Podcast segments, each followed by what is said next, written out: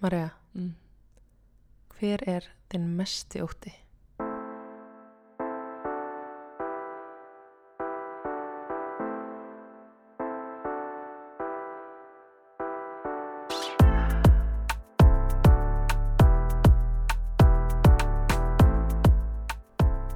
Já, komið þið sæl og velkomin aftur í raunveruleikan. Fyrsta lagi takk kærlega fyrir ótrúlega góðar viðtökur.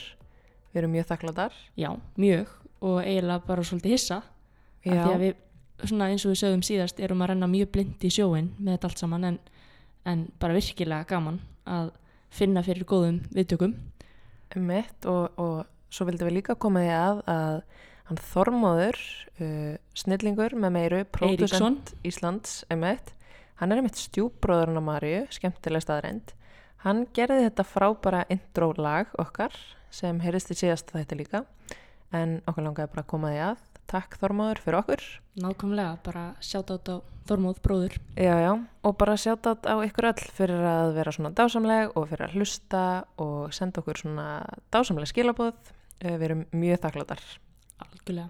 Þannig að uh, þetta var byrjunin okkur langaði bara að þakka ykkur fyrir áður en við förum yfir í umfyllunarfni dagsins. Já, fyrst Ingileif, Já, áskorunin. Já, Hvernig fannst þér? uh, mjög skemmtilegt. Fyrir en- það sem ekki vita, þá skoraði ég og þig að semja lag í vikunni. Mér fannst þetta mjög ógveikjandi, Já, viðurkenni ég. Uh, gott samt. já, já, já, þetta bara var fínt og hérna, já, bara skemmtilegt. Fjandi fínt lag. Takk fyrir það. Hérna, maður á bara að gera hluti sem eru erfiðir og óþægilegir og Láta það er bara skemmtilegt. En hvernig fannst þér ganga með selfie uh, challenge þitt? Úff, ég, ég viðkynna þetta var brekka. Já, Um, svona fyrstu tvær myndirnar alveg ég viðkynna það var kjánarhullur alveg niður í tær. og ég var svo stressuð um að yngi myndi læka og allir eru bara að byrja hvað persónuleika breytingar er í þessi stað hjá Maríu, hvað er, er eitthvað, þú veist, komið fyrir hana. En svo þegar að leiða á þá fór mér bara að finnast þetta bara fyrir eitthvað gaman. var það ekki? Jú, og hérna, hver veit nema ég haldi bara áfram að posta selfies af mér á, á fítið mitt bara vilt og galið. Ég ætla hér með að krýna þig selfie drottningu Íslands til hamingju. Vá, takk, Það er ekkit minna. hvílíkur hefur. Gríðalegur. Þetta var algjör vitlisa, en já, þetta hérna bara uh, góð tilraun. Ég viðkynni, þetta var kvíðavaldandi en, en eftir því sem leið á, þá bara var ég orðin frekar bara uh, kokki í því að posta. Já, við erum bara báðar búin að stíða út fyrir þæginn draman í vikunni, vonandi gerðu þið það líka og gaman að sjá að ykkur er hafi hugsanlega tekið þátt. Þetta Mhm. er mjög skemmtilegt og, og vonandi munum við já, geta gert fleiri svona skemmtilegar áskoranir Hver eh, veit, í framhaldinu, hver hver, veit, Ha, En, en hvað ætlum við að tala um í dag? nú ætlum við að vinda okkur í umfjöllunarefni dagsins eins og þau kannski heyrðuð í byrjun þáttarins þá mun það snúast um óta Mm -hmm. og kvíða og kannski svona órögréttan óta Mhm. þannig að okkur langar kannski að byrja á því að já, farið það yfir það hvað okkur uh, finnst svona mest skeri, hvað, hvað við hræðumst mest Já, kannski svona í, í tengslum við síðasta þátt, þar sem Mhm. við töluðum um að veist, það er oft svo erfitt að gera og horfast augu við það sem að maður óttast mest. umlegt, Og, hérna, og það getur verið bæði rökréttur og órökréttur ótti. algjörlega. Og hérna, þessi rögrétti hjálpa manni þetta alveg. Já, algjörlega. Og, og ég held að ég hef ekki komist í gegnum, þú veist, háskólanámi mitt nema með bara freka miklum uh, rökréttum ótta, þannig rétt fyrir próf þar sem að maður tók uh, marga alnáttunga og, og, og hérna og kláraði prófin þannig sem var kannski ekki besta leiðin en einhvern veginn fór ég alltaf í það ótt en hérna, en þú veist mér finnst nefnilega ótti svo ótrúlega svona áhugaverð tilfinning. Af því að þú veist, við erum uh, bara manneskjan bara homo sapiens. Þú veist, við erum að tala um bara veist, þessa dýrategund, við erum Mhm. hönnuð í raun og veru til þess að óttast að miklu leiti Mm. og það hefur í raun og veru bjargað okkur og gert það að verkum að við erum í dag lifandi tegund að við höfðum þennan hæfileika að í réttum aðstæðum til dæmis kannski þegar að það byrtist risastort ljón einhver staðar þá fundum við fyrir óta og þá fór eitthvað svona kerfi af stað uh, taugabóð hér og þar, ping-pong ping-pong, já. Ping-pong, því ég myndi þetta er svona bortennisborð í heilanum á okkur. Að og, og, hérna, og þér er bara sagt að flýja eða frjósa eða einhver viðbröð sem eru Mhm. rökrétt í þannig aðstæðum. Það sem er hins vegar kannski svona flókið og erfitt við þessar tilfinningar er að þær virðast oft koma þegar að það er kannski ekki risastort ljón á veginum eða hræðileg eiturslanga eða eitthvað sem við þurfum að óttast raunverulega, þó svo að ég óttast reyndar eiturslöngu mjög en við komum kannski betur á því síðar. En, en það er svona hérna, þú veist að greina á milli er kannski það sem að er svolítið flókið í daglegum aðtöfnum Algjörlega og þetta er auðvitað uh, eitthvað sem að uh, við þekkjum öll, þú veist, við þekkjum öll kvíða að einhverju marki, þú veist, við finnum öll fyrir uh, kýtli í maganum í uh, einhverjum aðstæðum sem að hræða okkur og uh, ég held að bara flestir ef ekki allir hafi á einhver, einhverjum tímapunkti í lífísinu fundið fyrir einhverjum slíkum tilfinningum. En svo er auðvitað bara einmitt ótti sem að er eðlilegur og svo þegar kvíði fyrir að hamla manni að gera hluti þá er hann orðin emitt, nákvæmlega það. Hann er orðin kvíði og hérna og þá kannski emitt fyrir að taka órökréttar ákvarðanir af því að uh, við erum hrætt við aðstæður sem að við ættum kannski ekki endilega að vera hrætt við. Já, og kvíði er svona, þú veist, talin vera svolítið svona, uh, þú veist, skilgreiningin á kvíða, hvenær hann er slæmur, það er, þú veist, góður kvíði og slæmur kvíði, þú veist, góður kvíði er kvíðin sem að þig af stað, þú ótt að klára verkefni eftir korter og, og svo framvegis, -hmm. en svona kvíði sem er hamlandi uh, er skilgreindu þannig að, þú veist, ef þú ert farin að forðast aðstæður gagger til þess að koma í vekk fyrir að þú upplifir þessar tilfinningar um, dæmi til dæmis bara manneski sem mætir ekki brúðköp í vinkonu sinna því hún, þú veist, brúðköp er haldið í sal það sem er lifta og hún óttast liftur rosalega mikið þú veist, Mm. það að mæti ekki brúðköpi þú veist, þetta er að hamla því að þú gerir eitthvað sem þú myndir vannulega að gera bara af því að það er eitthvað sem þú óttast. Emitt en svo við förum emitt svona og persónulega notunar Já, og þannig að þú kannski svarir spurningunni. Þú varst nú aðeins búin að snerta á síðana hvað óttast ég mest? já, hvað óttastu mest Marja? Um, slöngur ég óttast það er mjög mikið, mér finnst það mjög rökréttur ótti. Þetta er einhvers konar vöðvaflikki sem að tegist út um allt og, og er eitrað ok, ok, Marja ég ætla samt aðeins að aðeins að útskýra hvernig þessi sko ótti er. raunverulega kúast við tilhugsununa um slöngur sko. Ég veit það, við höfum horta á þó nokkra bíómyndi það sem sést í slöngu ég hef og aldrei sé Snakes on a plane og það er ástæða fyrir því. Hræðileg mynd líka, það er að segja ekki góð mynd.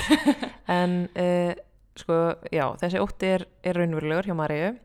En hann, hann er ekki bara gagvart sko uh, slöngum hann er líka gagvart sko snákum og ánamöðkum Og ánamöðkum. ég, er ekki, ég er ekki hrætt við ánamöðk ok, en það sem að þú ert samt hins vegar mjög hrætt við eru líka litlar slöngur nei, litlir snákar ætla ég að segja sem uh, eru alls ekki þér lífsættulegir og við Marja vorum sem sagt í Tælandi fyrir hvað, tveimur árum síðan. Og við fórum á eigu, við vorum sem sagt með pappa mínum hana. Fórum á eigu og vorum að gista í uh, húsi niður við ströndina en pappi var sem sagt að gista svona smá spölu burti frá okkur í, á hótelherbyggi og við þurftum að lappa, þú veist, heim til hans eitt kvöldi, við vorum bara eitthvað að kíkja á hann og hérna, og löppuðum svona göngustíg, þar sem kom notabenni, þetta gæti hafa verið ánamaðkur, þetta var það lítill snákur mjög lítill og mjór og hann skreið mjög hratt yfir veginn. Ok, allt í góðu. Mín kona gjörsanlega fór yfirum af hræðslu og, og uh, vildi aldrei aftur labba þessa leið heim til pappa míns á hóteli hans en fyrir vikið þá fengum við að sjá svo marga aðra hluta af eiginni sem að við hefðum ekki annars Þetta er mesta kjæftæði sem ég hef heyrt. Við löppuðum alltaf bara einhvern risa ring gegnum bara eitthvað, sko, svona ruslagáma til þess að komast til hans. Uh, eins og ég segi, upplöðum margt að því að Marja vildi alls ekki labba hana því að þarna var snákur. Þó svo að það hafi öruglega verið snákar sko, sofandi undir rúmun okkar í Tælandi. Þannig þannig að- að ég fæ hrótt bara við tilhugsununa ok, Þannig að já, ég, þetta... ég fatta ég, I get your point, þú veist ég, já, þetta er hamlandi ótti, en sem betur Mhm. fyrir eru ekki margar slöngur eða snákar á Íslandi nema mér skilst það að sé verið að flytja inn í hústýragarðin núna einhverja slöngur eða eitthvað og mér líst bara ekkert á þessi áform ég verð nú bara að segja það Jú, ég held að þarna einmitt ættum við að nýta tækifærið og tækla þennan ótta þinn með því að Mhm. bara sína þér uh, slönguna í hústyrgarunum og þá getum við farið yfir kvíðastegan og þú bara klárar þetta. ok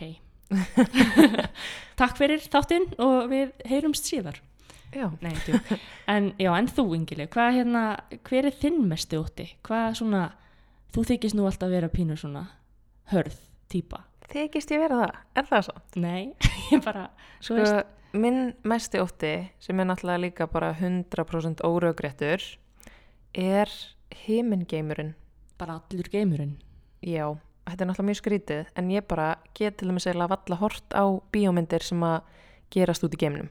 Mér finnst það bara ógeðslegt. Hvað er það við geiminn sem er svona ræðilegt? Ég held bara hvað hann er endalaus og stór og einhvern veginn bara svona óendan leikin við geiminn Mm. gerir mig bara fokkin skítrætta og meiri segja bara áðan ég var að labba með Þorgeri stráknum okkar uh, og hann var að benda mér á tunglið og mér var litið upp á tunglinu og þetta einhvern veginn það hellist svona ógísla óþægileg tilfinning yfir mig að því að mér finnst við eitthvað svo lítil það að horfa á tunglir. nefnast þarna í þessu mómenti að horfandi á tunglið Ja.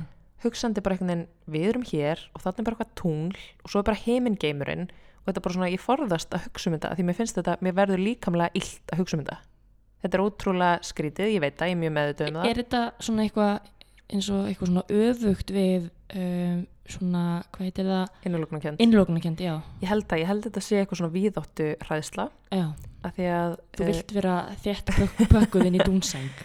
helst uh, nei, mér finnst þetta bara ótrúlega óþægileg tilöksun Já, ég held að sé margir sem tengi við sérstaklega þetta með óendalíkan. Þú veist að viti ekki alveg hvar heimurinn endar og, mm -hmm. og eru við hérna ein eða ekki og allt þetta sko. Einmitt? En var það ekki á uh, Spáni eða eitthvað þegar við fórum í bíó, manstu? Já, Og þetta var svona útibíó, meiri sem með geiminn bara beint fyrir ofan okkur. Og við fórum að horfa á einhverja mynd, ég man ekki hvað hann heitir, hún er þarna með George Clooney og Söndru Bullock og þau eru bara í geiminum allan tíman.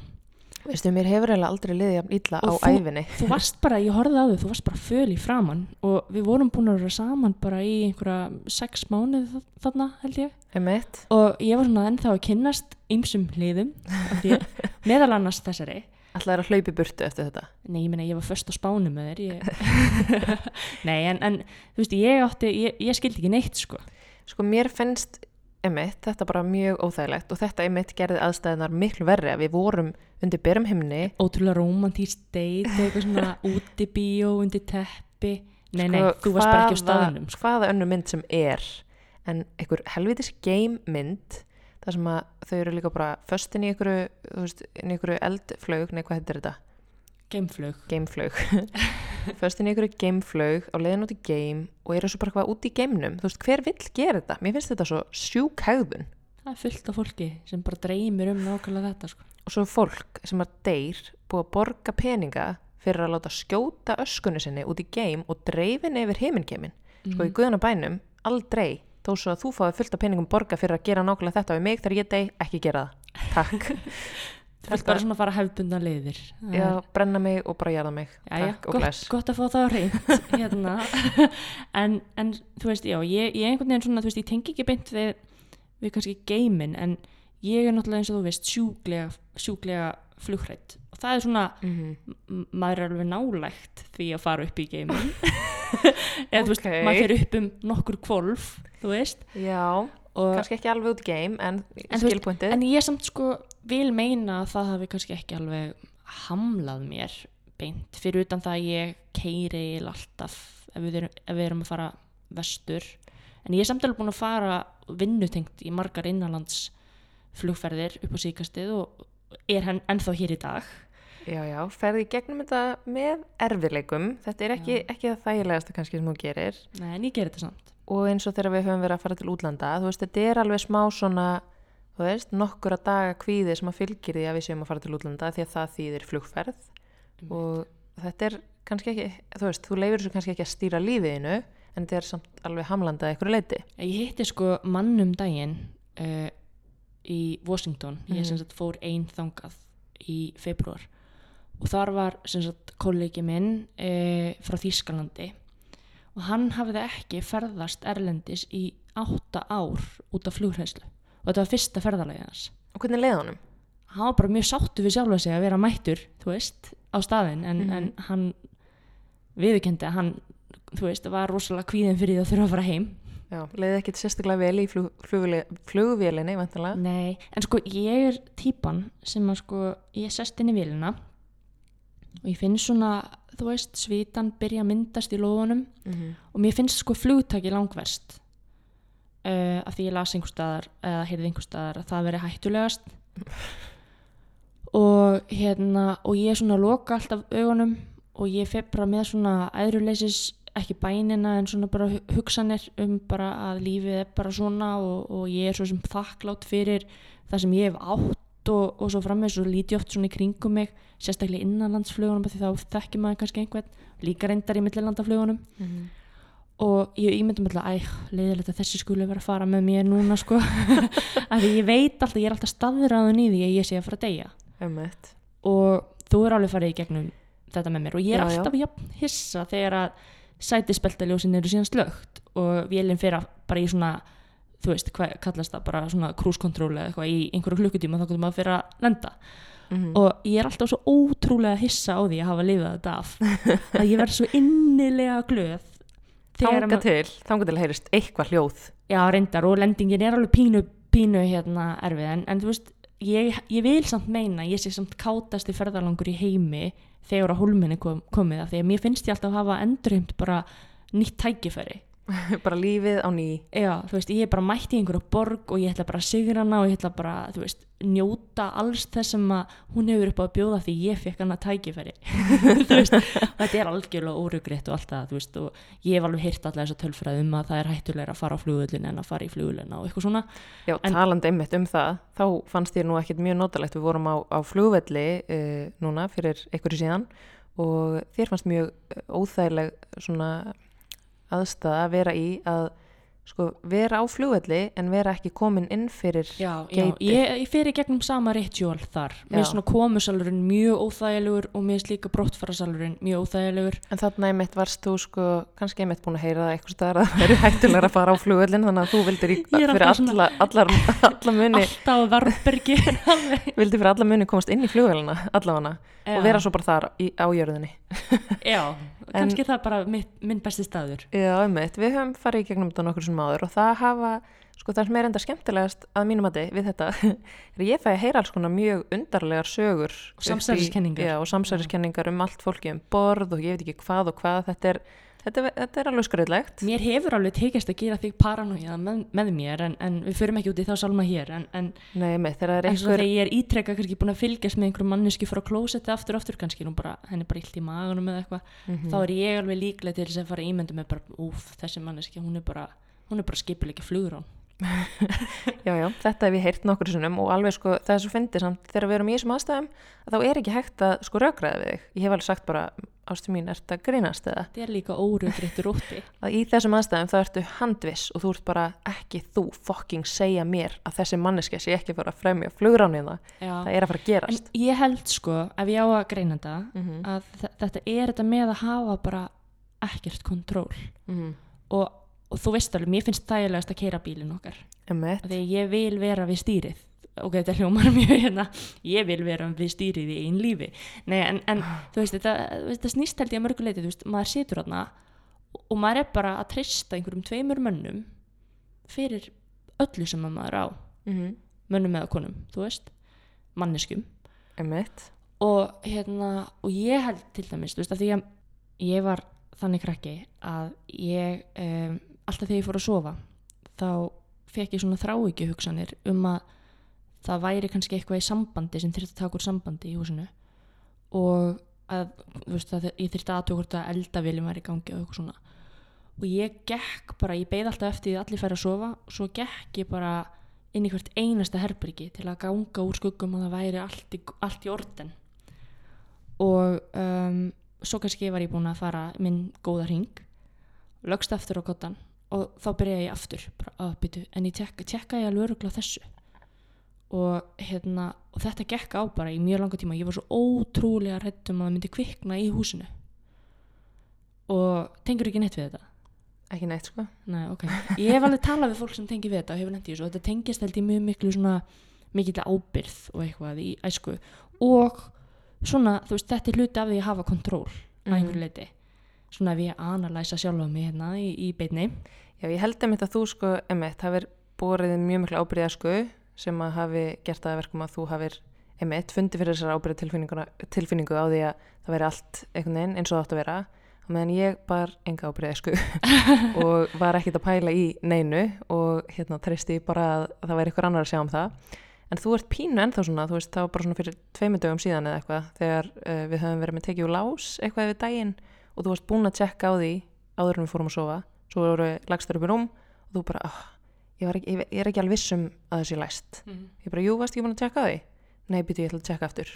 Aftur Ég, að ég gæti ekkit bara farið að sofa bara lifandi með þessari óvissu. Ég þarf bara að ganga úr skuggum þetta en, en þetta er náttúrulega algjörlega hérna, steikt hegðun, sko, ég gerir mig grein fyrir því en, en þetta er samt svona, þú veist, að því mér finnist að það þá hafa verið á minni vakt ef að eitthvað færi úrskeiðis. Mm, og hérna og ólíkt með flugvillina þá bara er það ekkert mín vakt ef að það fyrir eitthvað úrskeiðis.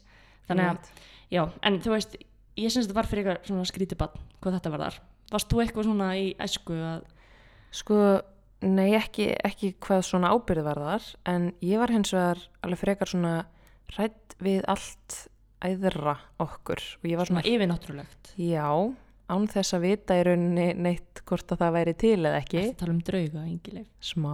Við drauga? Sko ég var bara hrætt við, þú veist, eitthvað sem að ég gæti ekki séð.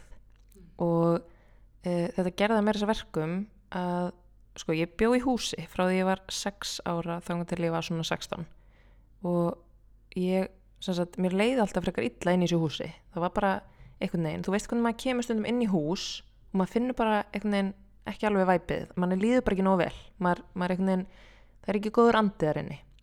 Og þetta var pínu þannig með þetta hús þrátt fyrir ég byggi í því í öll þessi ár að þá leið mér aldrei einhvern veginn svona alveg rólega. Og ég fann það í raunin ekki fyrir en að ég flutti síðan eftir þessi tíu ári í þessu húsi.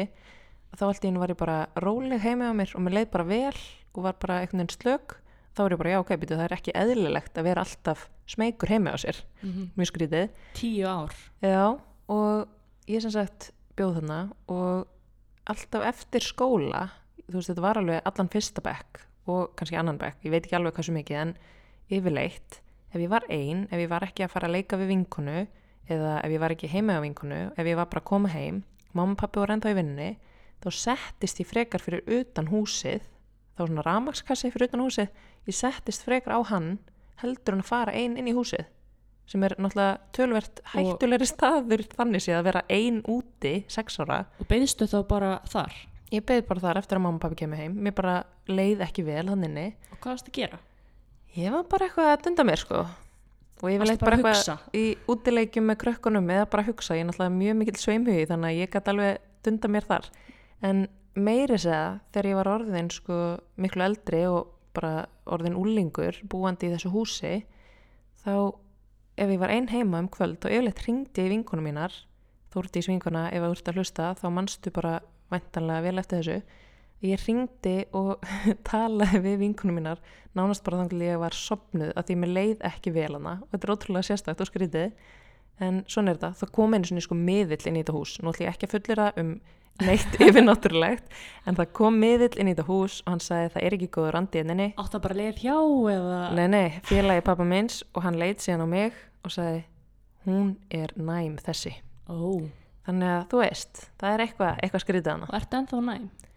sko, þegar ég var lítið bad þá alltaf þegar ég var lasin þá sá ég fullt af fólki standa við rúmum mitt hugsanlega bara með rosalega háan hita og farin að sjá offsjónir en uh, svo dreymdi mér mjög svona vivid og skrýtna drauma um fólk sem var dáið og þetta er mjög Ok. skrítið og uh, já, heyrði svona alls konar og svona en En ekki dag? Ég er vissulega með mjög frjótt ímyndunarafl þannig að hugsanlega var þetta uh, tilbúningur allt saman. Nei, ég hef ekkert fundið fyrir neinu svona síðan ég var fullur Bara sko. double checka sko Jú, ég er alltaf að sjá drauga hérna inni.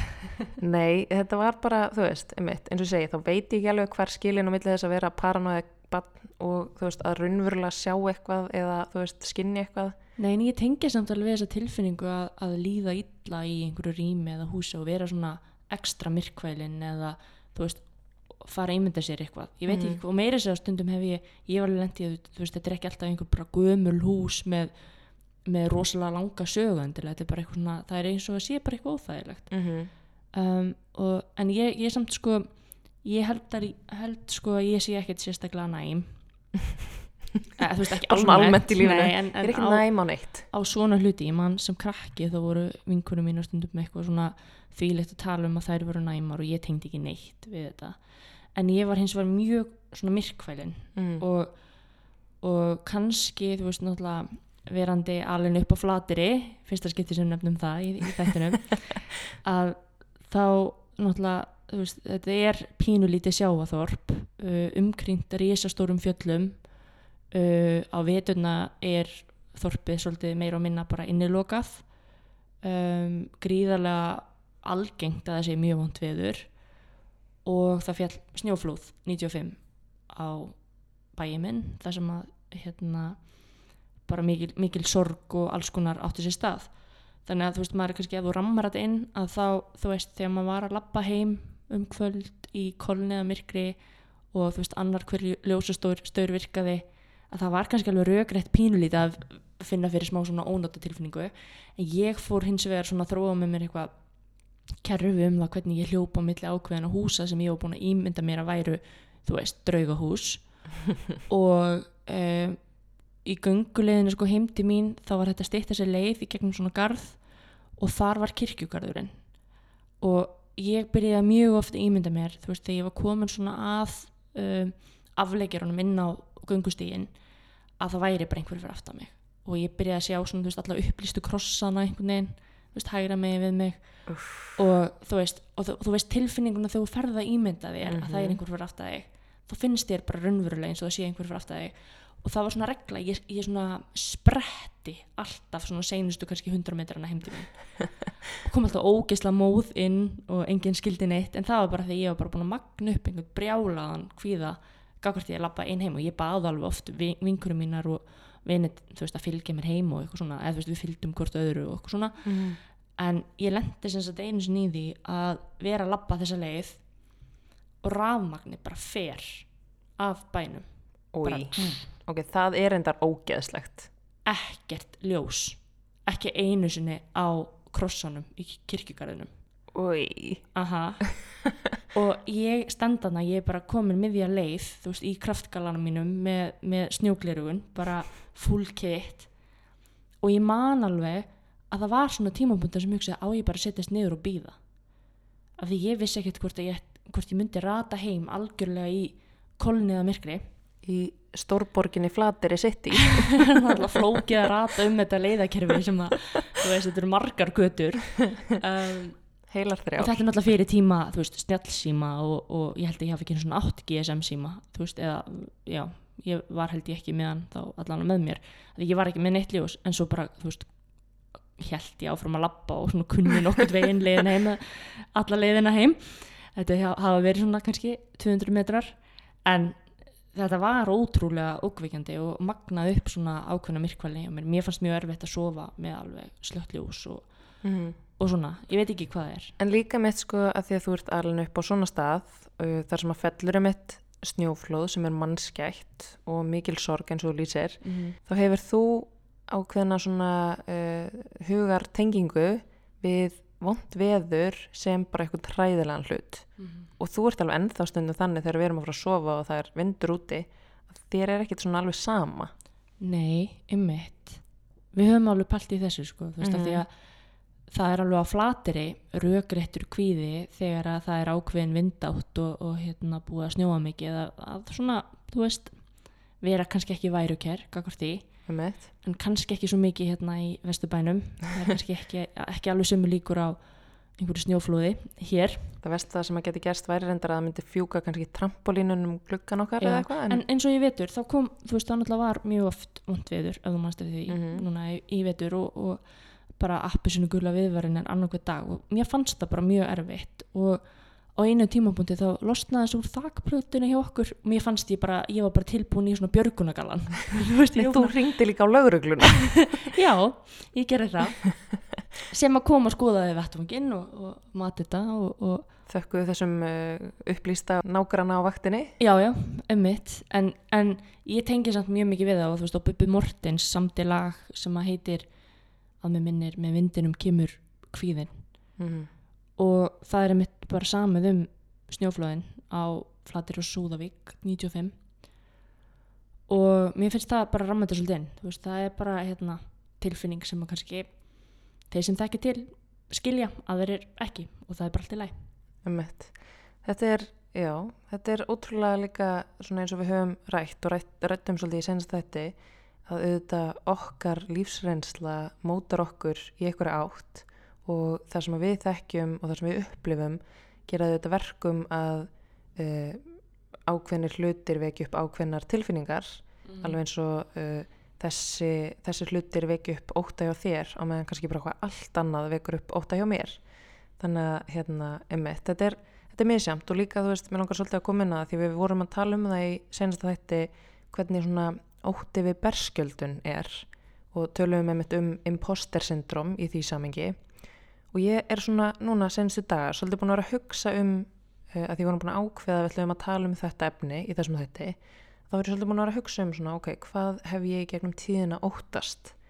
Og það rann svolítið upp fyrir mér bara í gær held ég að áður en við kynntumst og þetta er kannski eitthvað sem þú upplifið líka en þetta er eitthvað sem ég hef aldrei talað um að því þetta var bókstaflega bara að renna upp fyrir mér að það sem ég óttaðist mest af öllu áður en ég hitti þig var ástin. Ég veit ekki Hmm. hvort þetta make sense en ég, að elska. Sko ég óttaðist bara alveg ótrúlega mikið að hleypa ykkur um að mér og uh, finna þessar tilfinningar og opna á þessar tilfinningar vegna þess að ég var svo skítrætt við það að þær yrðu í rauninni ekki endurgoldnar. Og ég held að hafi hugsanlega spilað stóran þáttar að ég er samkynneið og var bara mjög mikið inn í skápnum en ég var svo skítrætt um það að ef ég myndi eitthvað tímann leifa mér að verða hrifin eða ástfangin af einhverju mannsku það væri bara enga líkur á því að viðkomandi myndi finna sömu tilfinningar. Og þess vegna emitt var ég bara eins og lokuð bók eins og þú veist. Já, ég man þú, Þegar- þú talaðir bara varla í fyrstu skiptin sem við hittumst þú áttur mjög erfitt með að svara mjög bara basic spurningum af því að þér fannst svo óþægilegt. Já, ég var bara með alla mína varnarveggi uppi af því að ég var svo skýt hrættið að finna þessar tilfinningar. Mm -hmm. þess vegna leiði ég mér aldrei að komast ángað og ég var algjör, þú veist, í rauninni uh, gunga þegar að koma að bara tilfinningum almennt, ég bara þorði aldrei að fara inn á við gagvart sjálfur mér var alveg til ég að tala við allar vinkonum mínar um öll þeirra vandamál og allt það. Uh, og fannst ekkit mál að emitt að vera að deyta ykkur að stráka því að þá fann ég ekki tilfinningarnar. Ég gætt feika það, þú veist, að finna tilfinningar en þegar það raunverulega kom að því að, þú veist, það hefðu geta verið svona tilfinningar til staðar þá bara lokaði ég, lokaði, lokaði, lokaði strax ég hugsaði bara ég mun bara verða fyrir svo miklum særendum ef ég leiði mér að fara þangað. Þangar til þú hittir múrbrjótin Maríu sem að leti ekki segjast og, og hérna og tók þetta bara að sér að, að opna flóðgáttina engilif. Algjörlega, takk kærlega fyrir það. Það hefur leitt til þess að ég hef ekki hægt að tala síðan.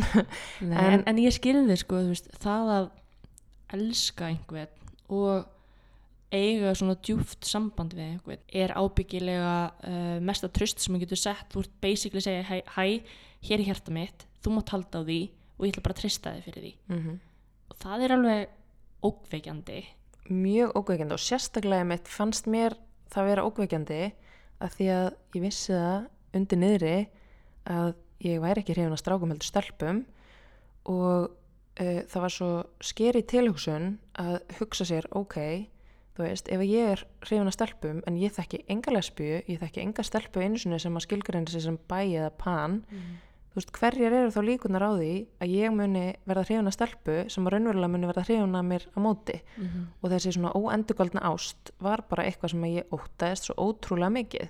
Og ég bara, ég er að fatta þetta núna sko. Og það er ótrúlega sérstakt að fatta svona eftir á, þú veist, að horfa tilbaka á sjálfa sig að því að veist, ég sé mig núna í svo þannig séð öðru ljósi að ég var bara, ég var með alla varnamúra uppi Mhm. og þetta skýrir kannski mitt af hverju ég var svona heft þegar við hittumst en mér fannst það svona, svona hjálpa mér á hvernig leiti að ég vissi að þú væri lesbía Mhm. ég vissi að þú værir þú veist uh, gætir elska mig á móti Mhm. þannig að þá svona hægt og rólega hleyfti ég þér að mér og sem betur fer. sem betur fer. takk fyrir það. Annars væri við ekki hér í dag. En hérna, þetta er skeri sko. Já.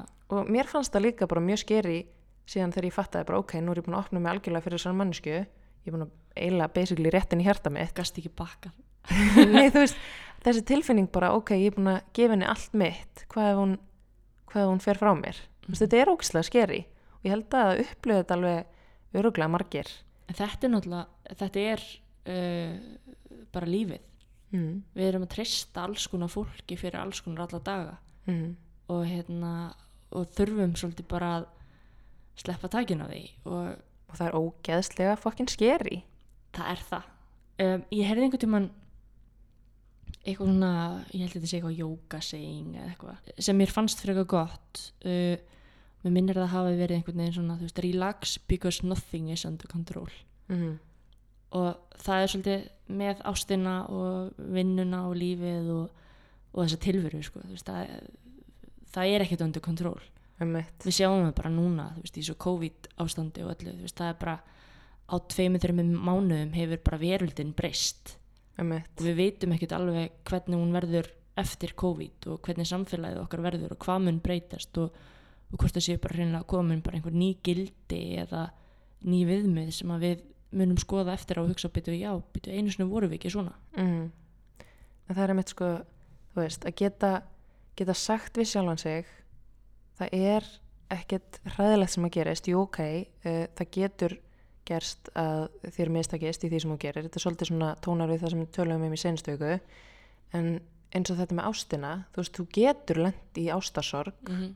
og flestir lenda einhver tíman í ástasorg Einmitt, en ef þú leifir aldrei að fara þangað þá myndu heldur ekki upplifa allar jákvæðu tilfinningarna sem að Mm. fylgja því að vera ástfangin og svona ég hefði viljað geta farið tilbaka á svona brotið skélina í kringum mig af því að þetta er svo erfitt að burðast veginn með þessa hræðslu við allt og einhvern veginn alla og vera svona hrættur við það að enginn geti elskaði einhvern veginn eins og ert og hérna, já, ég einhvern veginn bara svona rann upp fyrir mér þegar ég var að hugsa um óta í vikunni Mm. Og ég fekk bara svona ægi hvað ég var mikið Æ. lítil einhvern veginn í mér og hérna ég vildi að ég hefði geta bara farið sagt ok, þú veist, prófaði bara að opna þig fyrir þú veist, ekki það, þú veist ég hefði ekkert viljað en enda einhvers staðar annar staðar en hér en ég bara segja, þú veist það er ekki svona mikið hræðilegt Nei. sem að gerist, ef þú segir einhverjum ég finn tilfinninga til þín eða ég er ástfangin að þér eða ég er hrifin að þér eða hvernig sem það er það versta sem að gerist er að mannskinn segir ok,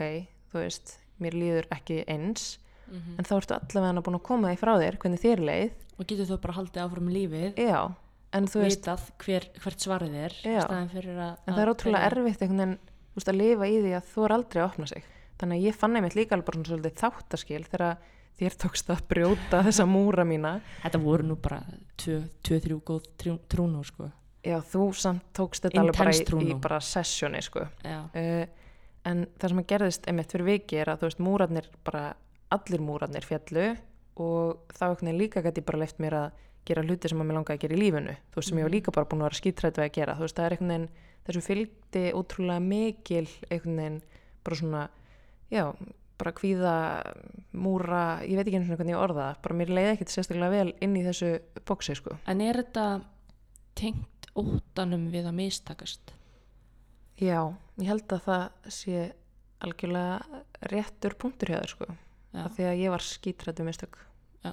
og eh, einhvern veginn það að kannski viðkynna að ég væri ekki alveg fullkomin var bara mjög ógnveikjandi af því að það að ímynda sér að einmitt, maður er ekki bara fullkomin, þú veist það er það auðvitað engin en að maður geti verið á okkur hátt sem að annað fólk held að maður væri ekki eins og að vera lesbía til dæmis Mhm. Það var bara ótrúlega ókveikjandi tilhugsun. Mm. en mér langaði að segja ef það er að núti sem að finnur eitthvað tilfinningar eða uh, á erfitt með að opna sig að þá er það svo mikið þess virði að leifa sér að finna tilfinningarnar að því að það mun líka bara opna mann almennt fyrir góðum hlutum í lífinu. Þó svo það getur verið ógisla skeri og maður getur líka bara lent ítlýði, maður getur fengið þú veist, hjartasorg og allt þetta. En það samt verður þess virði að því að þá er maður trúr sjálfum sér það, þetta sapnast allt í, í reynslubankan mm -hmm. algjörlega og, og ég veit ekki hvort ég hafi verið búin að segja það en, en náttúrulega lífið allt er summan af öllum þeim ákvörðunum sem við tökum Mhm. hverju sinni og staðan, þú veist, í dag þú veist, staðurinn sem ég er á í dag er vegna allara hræðilegu mistakana sem ég hef gert og jákvæðu hlutana vegna óttans og kvíðans Mhm. vegna þess að maður er líka stundum bara töffari sem þú er að taka slægin og svo framvegis um þetta er summan af svo mörgum þáttum sem að púslast saman í eitthvað sem heitir líf þú veist og, og, og þess vegna þú veist ég, ég sé aldrei eftir því sem ég geri mm. en veist, jú, við mig góður ég hef oft séð eftir því sem ég geri en ég reyna að temja mér að þykja bara væntu mistökum mín og Mhm. Þú veist, ég, ég hef alveg farið í gegnum mjög erfið tímabil í lífinu en ég hef oft sagt, þú veist, ég myndi ekkit endilega skipta þeim út af því að þau kendu mér alveg fullt af hlutum og um, gerði mann kannski bara þeirri mannesku sem að, maður er í dag. Og ég er bara frekar ánæg með mitt líf yngileif, Mjög með þér. Ánægð. sömu og myndi ekki skipta því út fyrir neinu. Þannig að þú veist maður getur endalust lifað í einhverju eftir sjá eða svona hvað ef og eitthvað svo leiðis mér finnst betra að segja svolítið skilu við hennan baksinni speil og horfa frekar fram á veginn sem að er það sem að maður á að gera þegar maður keri bíl. Algjörlega, segir konan sem er alltaf við stýrið. En hérna, algjörlega, ég er ótrúlega samla og við hefum líka rætt þetta okkar á milli að veist, við endum saman veginn, við fundum hvora aðra og byggum til okkar líf sem okkur þykir svo vendum og við elskum svo mikið og eigum okkar fjölskyldu uh, það voru alls konar hlutir sem að gerðust fyrir það. Þú veist, við vorum báðar búin að gera alls konar hluti sem að leita okkur svo saman. Og við höfum oft talað um þetta bara, veist, maður getur heldur ekki dvali í því bara uh, eins og í sambandi.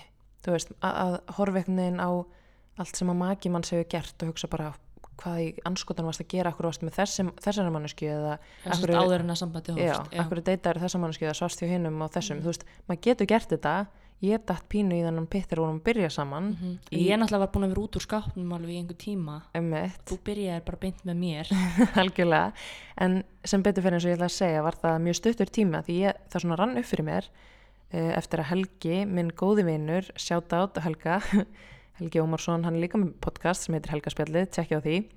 Uh, en hann sem sagt sagði við mig þegar við vorum að byrja saman bara engileif, þú munt skemmi þetta samband ef þú ætlar að fara niður þennan spíral og ég bara tók svo mikið marka á þessum orðum og tók þau til mín og hef lifað eftir þeim síðan. Og það er einhvern veginn þegar maður tekur svona ákverðun þá er ekkert sem að eh, einhvern veginn trubla mann lengur og það er ekkert sem maður getur haft áhrif á sambandi og, og guðminn góður, þú veist, við höfum alveg lent í alls konar skilur og það hefur alveg reynt á okkar samband vegna utan að koma til þátt skilur en þegar maður er búin að setja allt sitt traust uh, í samband, í þóra að elska. Já, þóra að elska, búin að einhvern veginn gefa annari mannski hjarta sitt og veit að svo mannski búin að gefa hjarta sitt á móti að það skiptir ekkit annar máli. Og Nei. fortíðin skiptir engum máli og eitthvað annað fólk skiptir engum máli þú veist, maður þarf bara svolítið að, hérna, taka saman höndum og leiðast í gegnum lífið og það sem er verið í framöndan núinu algjörlega, sorry, ég tók þetta bara á allt annan stað Nei, en ég, við ég, bara, við ég, stöndum. að uppgöta, ég líka uppgötu þetta um bara þig núna þú hefur greinlega ákveðið að þaga yfir þessari uppgötun og hérna að, þáttinn sko sem er bara mjög gott. Mitt, að því að líka sko, ég en held að það meikar alveg sens. ég held að það sé svolítið mikilvægt þegar við erum að, að hérna, búin að ákveða eitthvað topic og við ræðum það ekki og mikið, Mhm. þú veist, í vikunni og undan þannig, að- já, þannig að við séum ekki bara að klára okkur. Einmitt. þannig að já, ég ákveða svona þess að, að þetta, mér fannst þetta svona mögnu upp, uppgötun ég er búin að vera að pæla svolítið í þessu og hérna, já, þannig ég ákveða að vera ekkert að ræða þetta neitt við þig fram að þessu. Nei,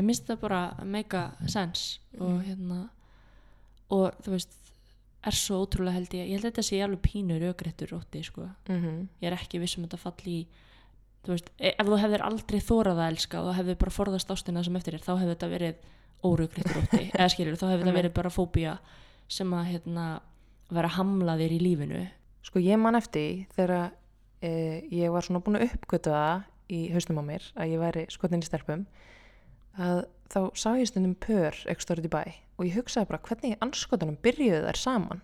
Og þetta var náttúrulega lungu fyrir tíma Tinder og allt það. Ég held samt að flestar lesbíur hugsa þetta sko á einhverjum tímabúndi þetta þetta er ekkert mjög stór sundlög þannig, Nei en líka bara þú veist ég hugsaði bara hvernig þorði önnur þeirra að segja henni að hún væri skotin í henni? Uh, um, þú veist, í mínum huga fannst mér þetta eitthvað svo, eitthvað svo ótrúlega fjarræn uh, tilhugsun að því að hérna, ég nefn bara svona einmitt, eins og ég segi, þekkti bara enga lesbíu eða þú veist, bæmanneski eða whatever. Og ég hugsaði bara, þú veist, ég mun aldrei þekkja neitt og ég mun þetta bara er líka ábyggla algengasta spurningin sem við fáum mm frá stelpum sem eru svona fikra sig út eða eru að pæla í, í sjálfum sér. Þú veist, það er bara, veist, hvernig fundu þið hver aðra? einmitt, bara hvernig á ég að finna stelpu?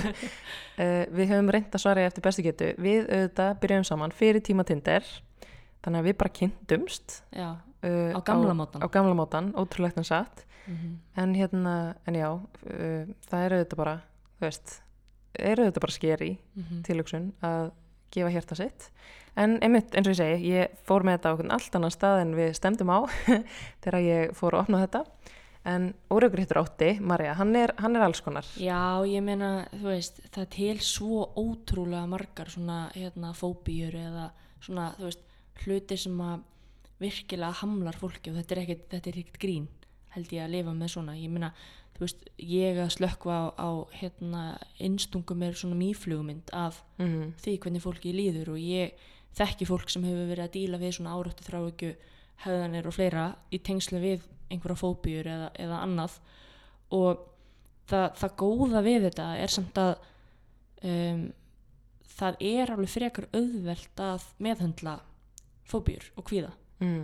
og hérna sálfæræðingar eru bara mjög vel þjálfaðir í að takast á við þetta og þú veist, ég er fyllilega meðvituð um að ef ég vildi um, eða þyrði þá gæti ég alveg farið á námskeið eða í nokkra tíma hjá sálfræðingi og ég er því líklegast bara nokkurn veginn laus við slöngu óta að þú veist að það er þá byrja á því þú veist að þú þarft að kannski horfa mynd af slöngu Mm. ok, slanga er ekki besta dæmið á Íslandi, kannski geitungur þú veist, að þú átt kannski fyrst að, eða hundar bara þú veist, fólk getur verið bara sjúkla hrættu hunda Mm. að þú áttu fyrst kannski bara að e, sjá mynd af hundi og svo áttu kannski að horfa á myndband og svo kannski áttu að klappa hundi og svo framvegis og endanum heldur á hundi eða eitthvað svo leiðis Mm. og, þú veist, og þú átt alltaf að fara í gegnum alla kvíðatilfinninguna alveg þannig að hún fyrir upp á topp og svo endanum fyrir hún niður aftur og þú þarft að fara í gegnum það Mm. aftur, aftur, aftur og endanum þá fattar þau, ah, byttu já, kæri heili ég þarf kannski ekki að vera skítrætt við þennan hlut Mm. En og þú veist- þetta er mitt, þetta kvíða fjall þú veist, þetta er eitthvað sem að uh, á tímapunkti þegar maður er á toppi kvíða tindsins þá heldur maður að maður geti dáið þú veist, Já. maður heldur að, að einhvern veginn, það sé bara veist, maður muni bara gjörsanlega fá hjartastopp, þú veist en það sem að, maður fattar ekki fyrir að maður leifir sér einmitt að fara í gegnum allan skalan er að einmitt, eins og þú talar um þá fer þetta niður mm -hmm. og þá fattar maður bara, ok, þetta var toppurinn veist, ég dó ekki, ég fekk ekki hjertastopp þannig að ég get kannski haldið áfram með lífið mitt, lífið mitt. einmitt, eins og þegar ég lendi í, í útlöndum og, og dó ekki í flugferðinu minni í það skiptið en það kemur kannski úr svolítið svona skrítinni átt frá mér uh, en ég held að það sé útrúlega mikilvægt að takast á við óttan mm. og ég hef alveg verið meðvituð um þú, þú, þú ert að hlæja að mér núna. Nei, sko, eina ástæðan fyrir ég ég er er að samt búin að vera að fara í gegnum þetta bara upp á síðkastið að eina ástæðan fyrir ég er að brosa til þín er að Marja, eins og við erum búin að koma inn á, er uh, hrætt við að fara í flug og mamma mín uh, sem að þekkir líka svona kvíða ansi vel let Marju fá eina kvíðapillu einhvern tíma fyrir svona, já, nokkrum árum síðan og sagði við hana bara, Marja mín ég veit þetta er ókslega erfitt, ég hef líka díla við svona hræðslu. Það er bara gott að taka eina kvíðapillu fyrir flugið af því að þá líður þið bara betur. Marja bara já, emmitt tók á móti kvíðapillunni en var svo of kvíðin við að taka kvíðapilluna af því hún vissi ekki hvað myndi gerast þegar hún tæki kvíðapilluna. Þessi Þannig pilla var sko í bílnum í held ég bara 2, 3, 4 ár. Ég held hún sé þar bara starði ennþá. alltaf á mig bara, nei þetta var í öðrum bíl sko. Veist, starði alltaf á mig í hvert skipti sem að ég hérna, fór inn í bílinn. En nei, ég veit ég hérna átti í erfuleikum með þetta en svo prófaði ég um daginn Mhm. í fyrsta skipti kvíðatöflu. Og ég hafði alltaf ímyndum mér bara að heimurinn myndi bara, þú veist, ég er því ógslag sljó og ég, þú veist, einhvern veginn myndi bara missa tökin á, missa stjórnina Mhm. þú veist, en ég fór bara í mjög ljúft flug bara sex tímar til Washington eins og ekkert sé, bara fyrir ekki að slöka því alein mér að segja sko En sko þetta er kannski svona rökréttur ótti þinn við svona uh, áhrifin sem að pillurnar myndu hafa á þig þar sem að þú tekur sko eina parataps og þú sopnar. Já, Þú ert með mjög lítið þól ég er fyrir mjög næm eins og við tölum á þann þú ert næm að þessu leiti. að þessu leiti, já ég, ég, hérna, ég finn fyrir miklum áhrifum af, af alls konar svona töflum Ekki af alls konar töflum. Við höfum aldrei tekið dóp. nei, nei, svo ekki sé tekið svoleiðis fram. töflum nei, ég, ég myndi aldrei þóra að gera svoleiðis til dæmis af því að, að því að ég hérna, myndi óttast að missa tökin Um eitt sem er gott Mhm. að þessu leitinu til. rökréttur ótti kannski. Algjörlega. Og um eitt, ótti getur verið rökréttur, getur hjálpað okkur í lífinu en um leiðan er farin að stoppa okkur í því að gera hluti þá ættum við kannski svona aðeins að að sjá hvaðan er þessu ótt að koma þú veist, er þetta eitthvað sem við þurfum hjálp með og einmitt, ef þetta er að hamla því að við gerum kannski hluti sem okkur langar raunverulega að gera þá einmitt ættum við kannski að fara að skoða þetta Já, og jákvæði fréttunar er að, einmitt, eins og ég var að segja, að þetta er bara ángríns, bara einhverjir nokkrir tímar hjá sálfræðingi. ef þetta er mjög svona specific fóbía þar að segja Já, en líka bara, þú veist, almenn, þú veist, þetta er bara þjálfunaratriði. en kvíði er auðvitað, ef þú veist með kvíðaröskun þá er það auðvitað eitthvað sem maður já, lifi já. með þú veist, og maður læri bara inn á Maður svona fær einhverja, einhver, einhver verkfæri, verkfæri kistunum sína og, og, og lifi með því. Ég meina, ég var eins og mjög, mjög, mjög stressuð að koma fram Mhm. og halda ræður og svo leiðis.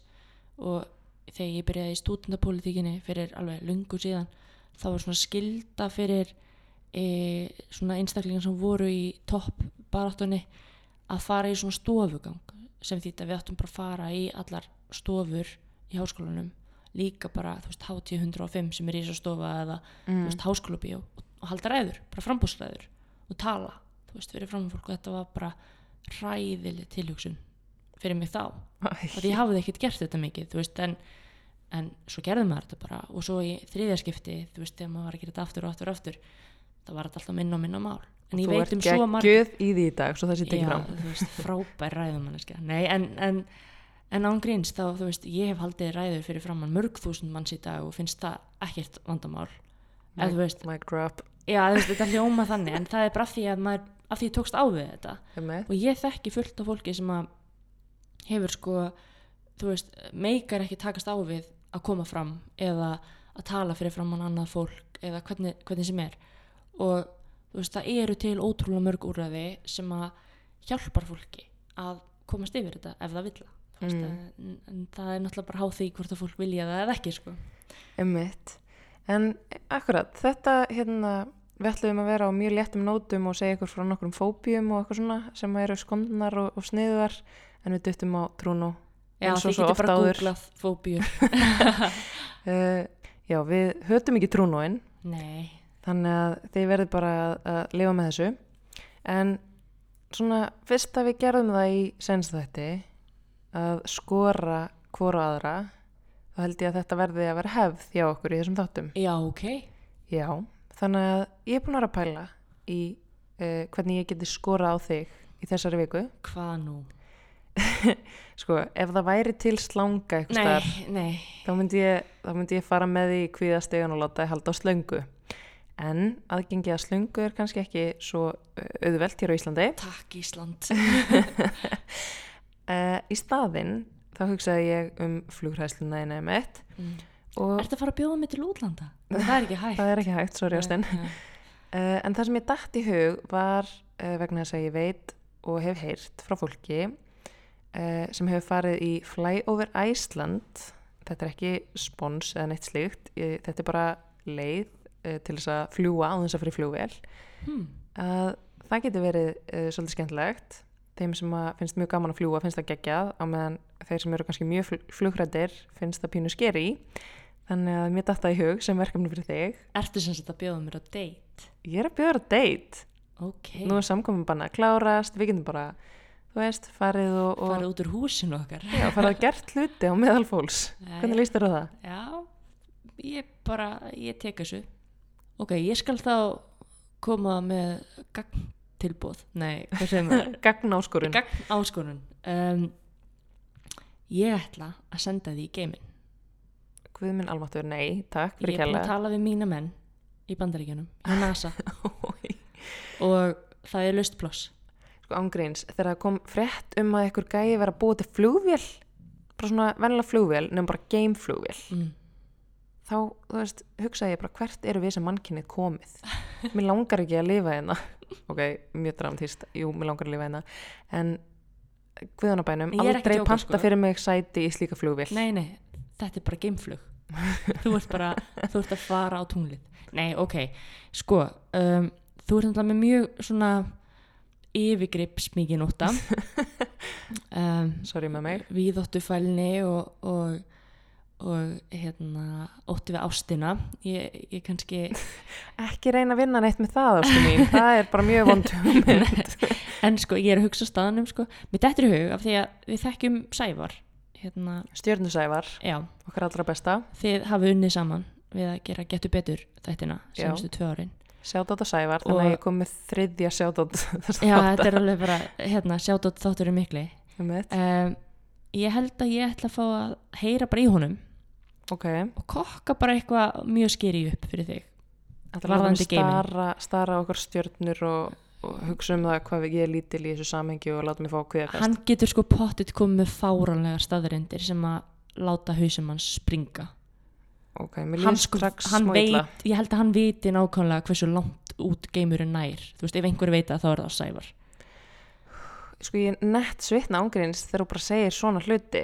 Þú veist, er eitthvað að núti sem að deilir þessum ótta með mér? Af því að sko, mér langar helst bara svona að skrýða inn í bara eitthvað svona púpu. Já, en tengist þetta, þú veist, að við töluðum ekkert um dauðan það eru m- mjög margir sem, sem að, þú veist, óttast dauðan tengist þetta eitthvað því? Að því, þú veist, ég tengi meira sko um, óttan við geimin vera svona meira byttu af hverju eru við hér og svona Mhm. lífið er bara einn stór tilviljun og af hverju, af hverju er ég hér á Íslandi en ekki í Zimbabwe og af hverju fættist ég á Flateri og þú í Reykjavík og, og þú veist, allar þessar tilviljanir og Mhm.